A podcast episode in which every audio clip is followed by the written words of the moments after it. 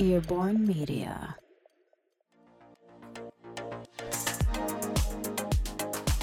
Dzień dobry, nazywam się Artur Kurasiński i zapraszam Cię do wysłuchania mojego podcastu. Jeśli interesujesz się innowacją, inwestowaniem, startupami i tym, jak technologia zmienia świat, w którym żyjemy, to zapraszam do subskrypcji mojego newslettera pod adresem technofobia.com.pl, w którym znajdziesz wiele takich treści. A teraz życzę miłego słuchania. Cześć, dzień dobry. Dzisiaj trochę z innej beczki, ale mam nadzieję, że tak samo ciekawy jak w poprzednich edycjach ponieważ będę chciał Was namówić do tego, abyście trochę bardziej patrzyli w niebo i przyglądali się temu, co tam się dzieje, bo naprawdę dzieją się fantastyczne niesamowite rzeczy. No nie wiem, jak wy często patrzycie w niebo i zastanawiacie się, co tam się może pojawić i czy jakieś innowacyjne startupy już działają. No ja z racji tego, że w astrografy niby teoretycznie tylko drukujemy plakaty, ale również mamy taką bardzo silną misję edukacyjną, więc y, osobiście mam takie hobby, że zbieram sobie dane dotyczące space, industry, zbieram, analizuję i po prostu przyglądam się bardzo wnikliwie tej branży. I właśnie w dzisiejszym newsletterze chciałbym Wam przedstawić, jak ta branża kosmiczna wygląda, jakie są firmy w niej najważniejsze, jakie są trendy, jaka jest przyszłość i oczywiście jaka jest możliwość zarabiania. Być może dzięki lekturze tych informacji ktoś z Was postanowi stworzyć jakiś kosmiczny startup i bardzo dobrze, bo naprawdę do tego już jest odpowiedni moment. Z uwagi na dużą ilość materiału, którą zgromadziłem i chcę Wam przekazać, podzieliłem te informacje, czy właściwie podzieliłem ten newsletter na dwa odcinki.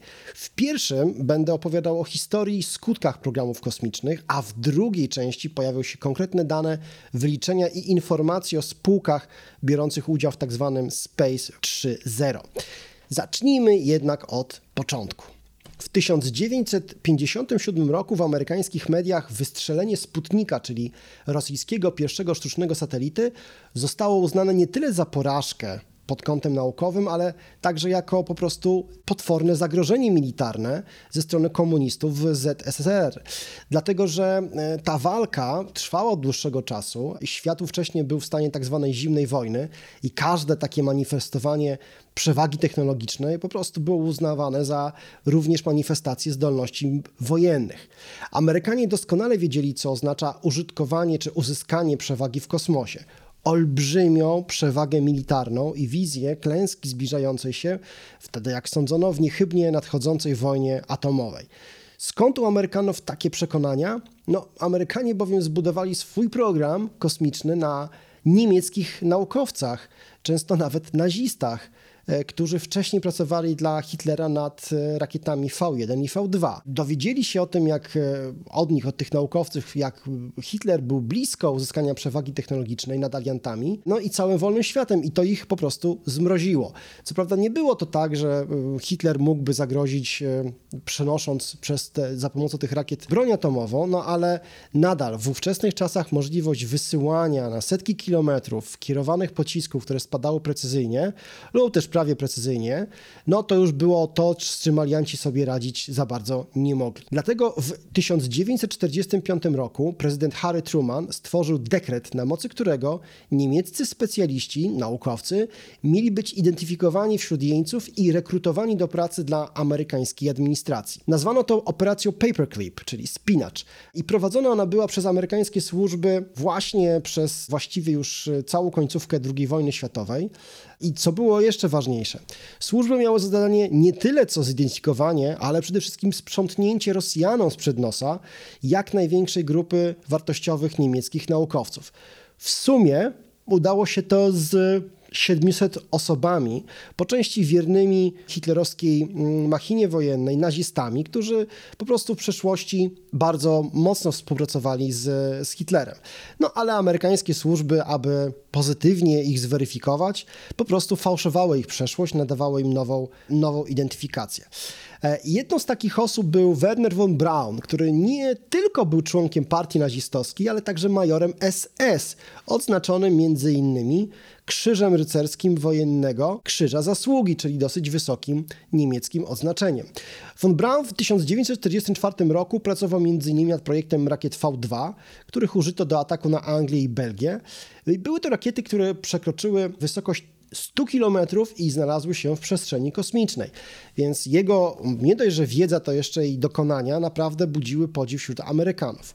Dzięki wiedzy niemieckich naukowców i współpracy z amerykańskimi firmami, NASA, czyli amerykańska agencja rządowa do spraw kosmicznych, miała stać się odpowiedzią na postępy ZSSR w dziedzinie podboju przestrzeni kosmicznej, która to wywoływała no po prostu panikę w Stanach. I tutaj pozwalam sobie na mały trend. Jeśli nie widzieliście jeszcze serialu For All Mankind, to polecam bardzo serdecznie. Dostępny jest serial na Apple alternatywna rzeczywistość, której to Rosjanie właśnie jako pierwsi stawiają nogę na Księżycu i potem są tymi, którzy prowadzą wyścigu o walce o przestrzeni kosmicznej. NASA wsparta olbrzymim budżetem dała radę stworzyć świetny program kosmiczny, którego ukoronowaniem był projekt Apollo i lądowanie człowieka na Księżycu oraz, co ważniejsze, jego bezpieczny powrót na Ziemię. To były czasy określone mianem Złotego Wieku amerykańskiej agencji kosmicznej i po prostu podboju kosmosu.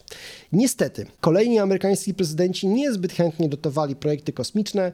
NASA zmagała się z falą krytyki, starano się wykazać jej małą efektywność jako agencji, a amerykański podatnik wolał dotować armię i kolejne wojny niż poznawanie tajemnic kosmosu. NASA po prostu kojarzyła się z czystymi projektami naukowymi i marnowaniem publicznych pieniędzy. No, Trzeba to przyznać, NASA po prostu nie umiała budować PR-u wokół swoich osiągnięć, bo w ramach tylko takiego projektu Apollo stworzono kilkadziesiąt wynalazków, które zagościły i zmieniły nasze życie.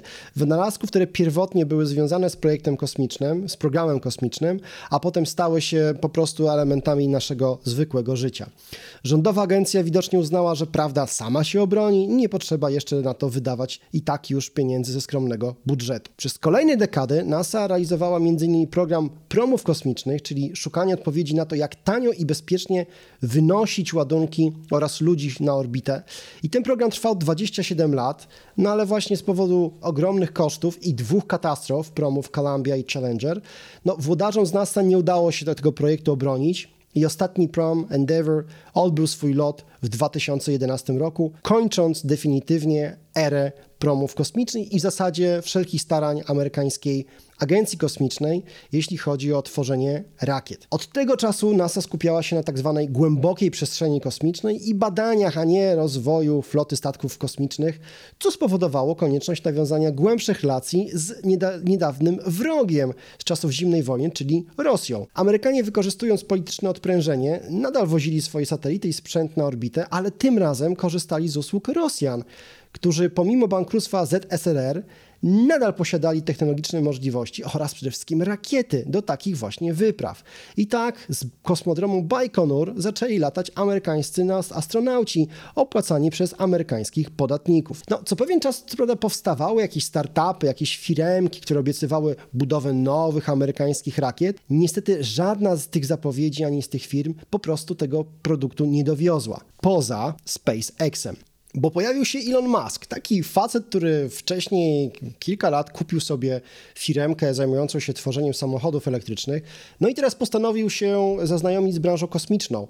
Naładowany e, literaturą science fiction, wkurzony na NASA, że ta nie realizuje żadnych z tych wielkich wizji, które jemu chodzą po głowie, czyli lotu na Księżyc, a potem na Marsa.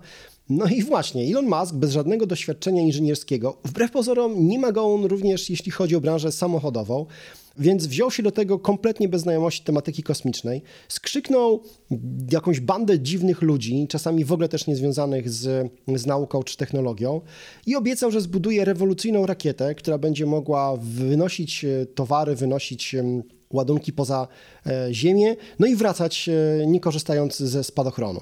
Uwaga, w 2002 roku to brzmiało tak, jakby jakiś garażowy startup z ludźmi spoza branży yy, odgrażał się, że będzie konkurował z Amazonem czy Applem jak równy z równym. Nikt, ale to nikt ani w NASA, ani w armii amerykańskiej w ogóle nie traktował Maska poważnie. Czy również też oczywiście cała konkurencja, która już gdzieś istniała i sobie raczkowała.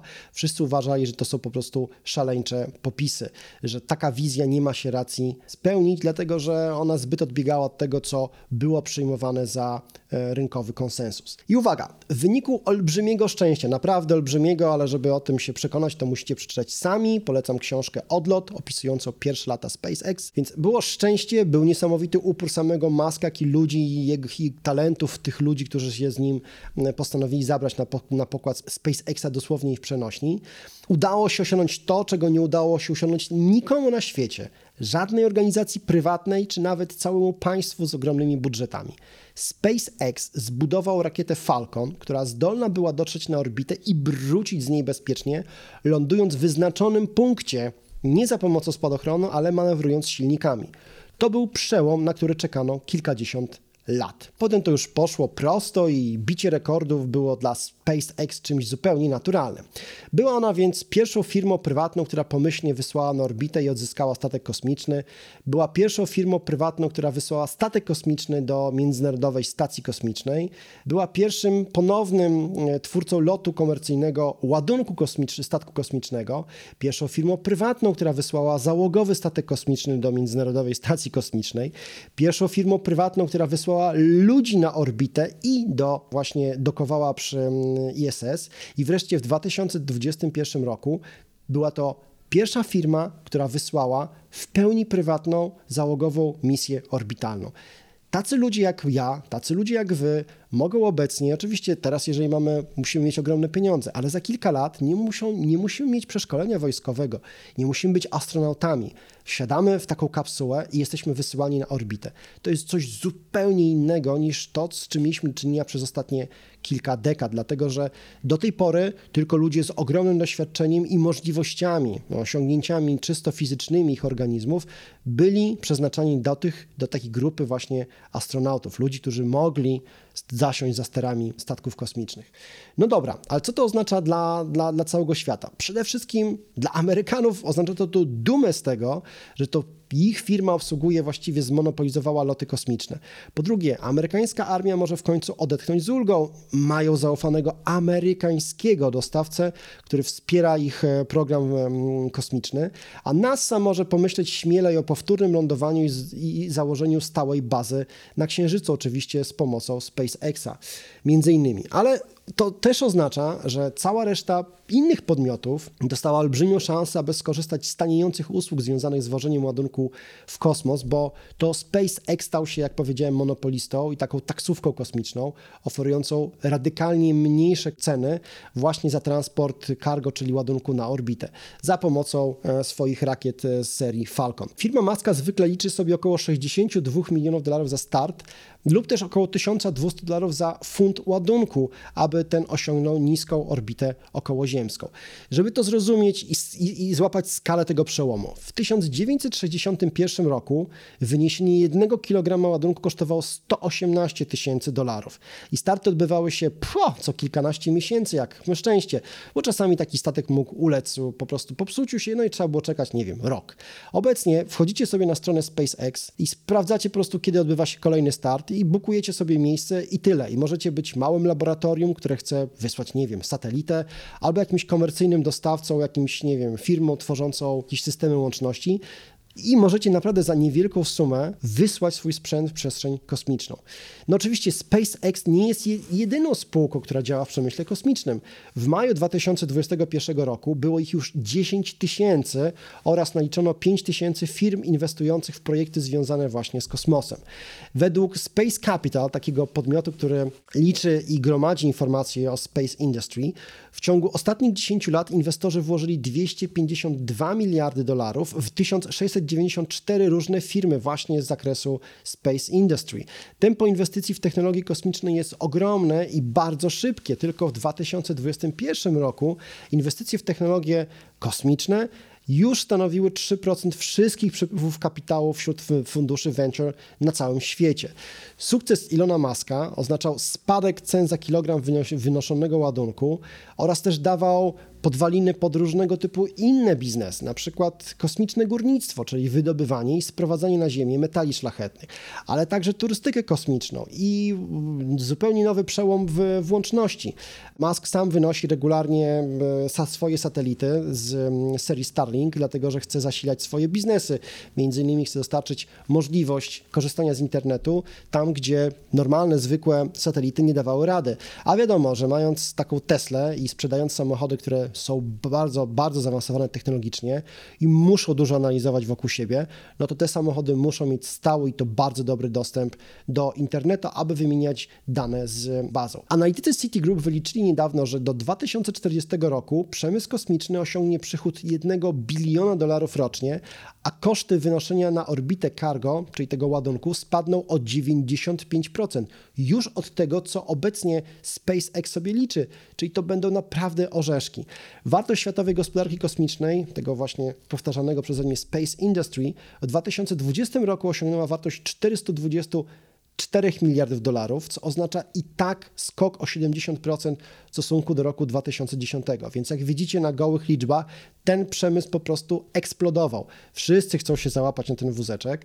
Eksperci już nawet mówią o Space 3.0, czyli tej nowej fali firm, które będą tworzyły kolejny wyścig kosmiczny, który właśnie się rodzi. Niektóre z tych firm będą chciały kolonizować Marsa, inne będą chciały wydobywać wodę i Hel-3 na Księżycu, albo tworzyć stacje kosmiczne na orbicie okołoziemskiej, albo właśnie gdzieś na jakimś księżycach czy planetach. Inne będą chciały budować satelity, rakiety i kosmiczne łaziki.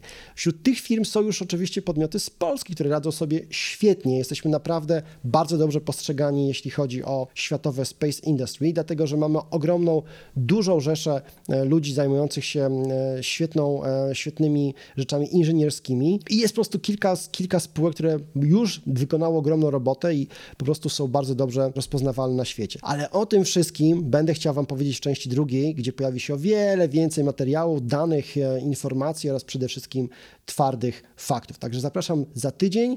Będę opowiadał o Space Industry 3.0, no i tam już polecą bardzo konkretne rzeczy. Zapraszam i do usłyszenia.